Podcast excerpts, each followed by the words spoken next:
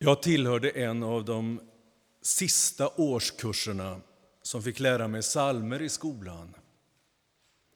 Varje morgon under mina år på lågstadiet började vi dagen med en psalm.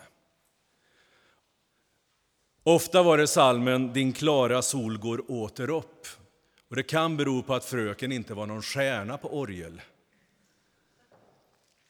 När min lillebror Björn tre år senare, 1967, började skolan och hade samma fröken som jag så fanns inte salmerna med längre. Det var nya tider. Eftersom min familj inte var kyrklig var det mina första och dittills enda möten som jag hade haft med salmer. Jag har lite svårt att komma ihåg vad jag egentligen tyckte om det där, utan det var ju bara något som var. Det var självklart. Men ett par salmer tyckte jag om mer än andra. I den gamla psalmboken, och ni som gick i skolan efter 1937, ni har sjungit ur den, så var det nummer 519. Jesus för världen givit sitt liv. Den var så vacker, tyckte jag. Och så var det det som blev min älsklingssalm.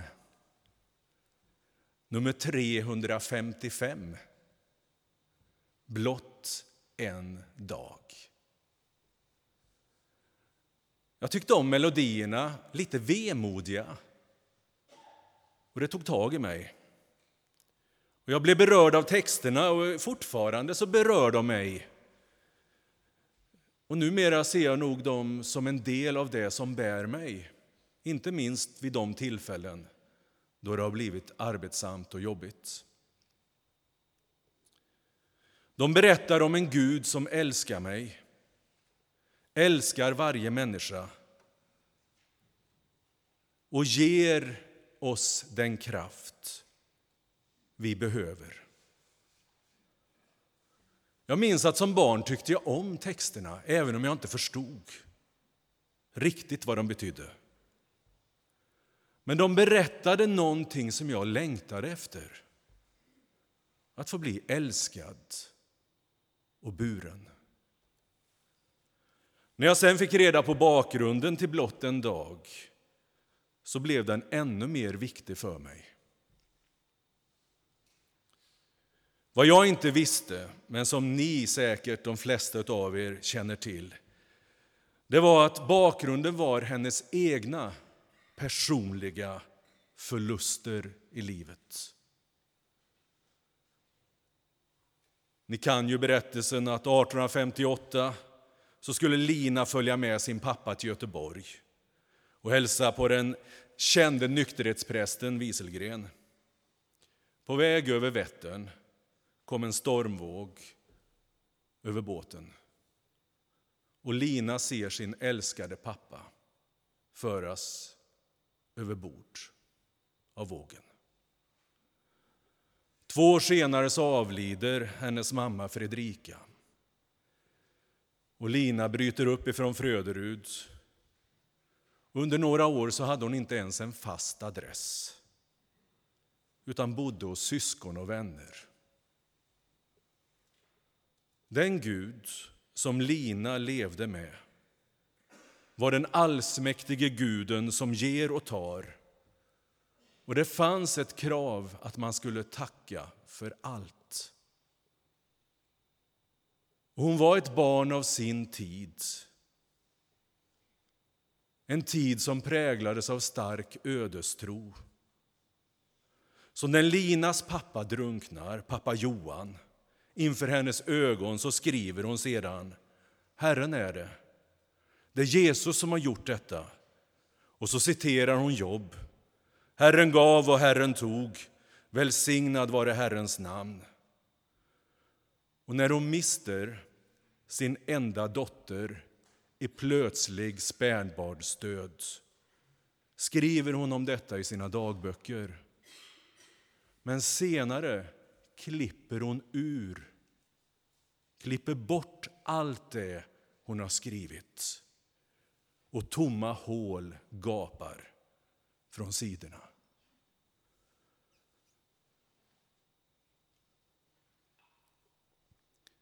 Hon hade inget språk som hon vågade låta stå kvar för dessa hål. Ingen teologi som stöttade henne. Tiden krävde att man fogade sig. Därför blir hennes strofer om moderskärleken i sina sånger, i sina texter som en symbol för Guds kärlek. Ett radikalt nytänkande som kanske inte vi reflekterar över idag. Och hon kritiseras, det ska ni veta, och refuseras av sin samtid för dessa bilder. Hon vågar inte ta steget fullt ut. Men sentida, vår tids människor, så har det blivit ord om att få gråta ut i Guds famn som ett barn gråter ut hos sin mor. I sorgen vänder hon sig istället bort från det svåra och onda och flyr in i Guds nåd. Och vem kan anklaga henne? Vilken tur att det fanns Guds nåd. hon blir en profet för oss alla som inte längre orkar. Och det säger, när vi faller så faller vi i Guds nåd. Det är en vacker bild. En dag, hon var då redaktör för en tidskrift, så finner hon en berättelse i en engelsk tidning som hon översätter till sin egen tidskrift. Och Den är ungefär så här. Det var en gång en herrgårdsklocka som stannade. Det brukade den inte göra. Men se, det var så att pendeln hade blivit trött så trött att den inte tyckte sig orka att svänga fram och tillbaka en enda gång till. Pendeln hade börjat fundera på över hur många slag den skulle behöva svänga för att visarna skulle gå runt ett enda varv.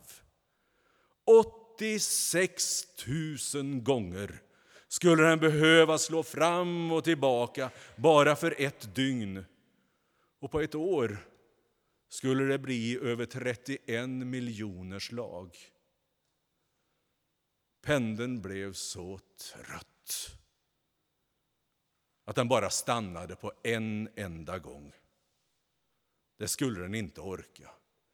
Det var rakt inte att begära. Men urtavlan blev både ledsen och arg, så hon började tala med pendeln. Pendeln ville först inte alls höra på, men så sa urtavlan, du kan väl i alla fall försöka bara en gång fram och tillbaka. Ja, svarar pendeln, det är inte det som är problemet. Men visst kan jag en gång. Tick, tack. Men det är ju alla de andra miljoner gångerna som jag inte orkar med. Då sa visaren, Fastän du i ett ögonblick kan tänka dig de miljoner varv du har att gå fram och tillbaka fordras likväl endast ett varv i sänder av dig. Och det tyckte inte pendeln lät så dumt.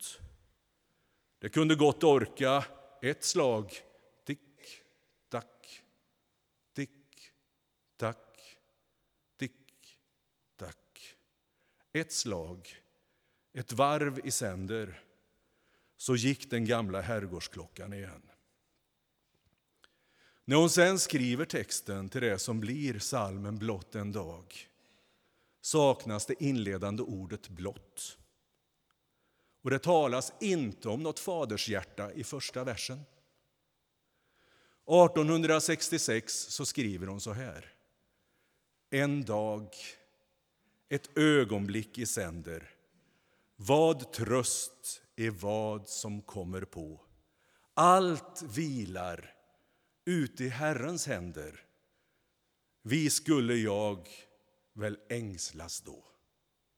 Han, och lyssna på det genialiska. Hon beskriver inte Gud som ett modershjärta, inte som ett fadershjärta. Lyssna hur hon beskriver Gud. Han som har mer än ett moders hjärta.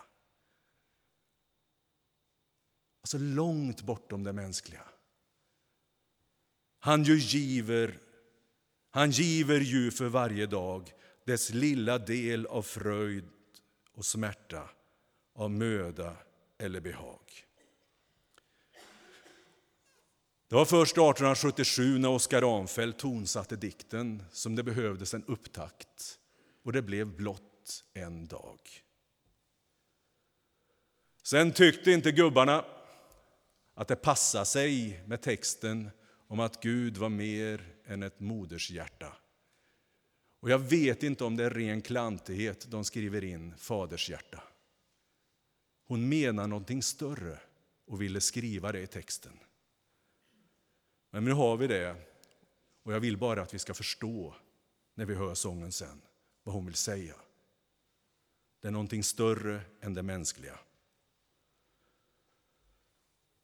När vi översatte den här salmen senaste gången till nya salmer och sånger och nya psalmboken så fick man återigen gå tillbaka till det som var hennes text, inte minst i den andra versen. Då stod det för att sin dyra egendom bevara. Denna omsorg har han lagt på sig. Som din dag så skall din kraft och vara.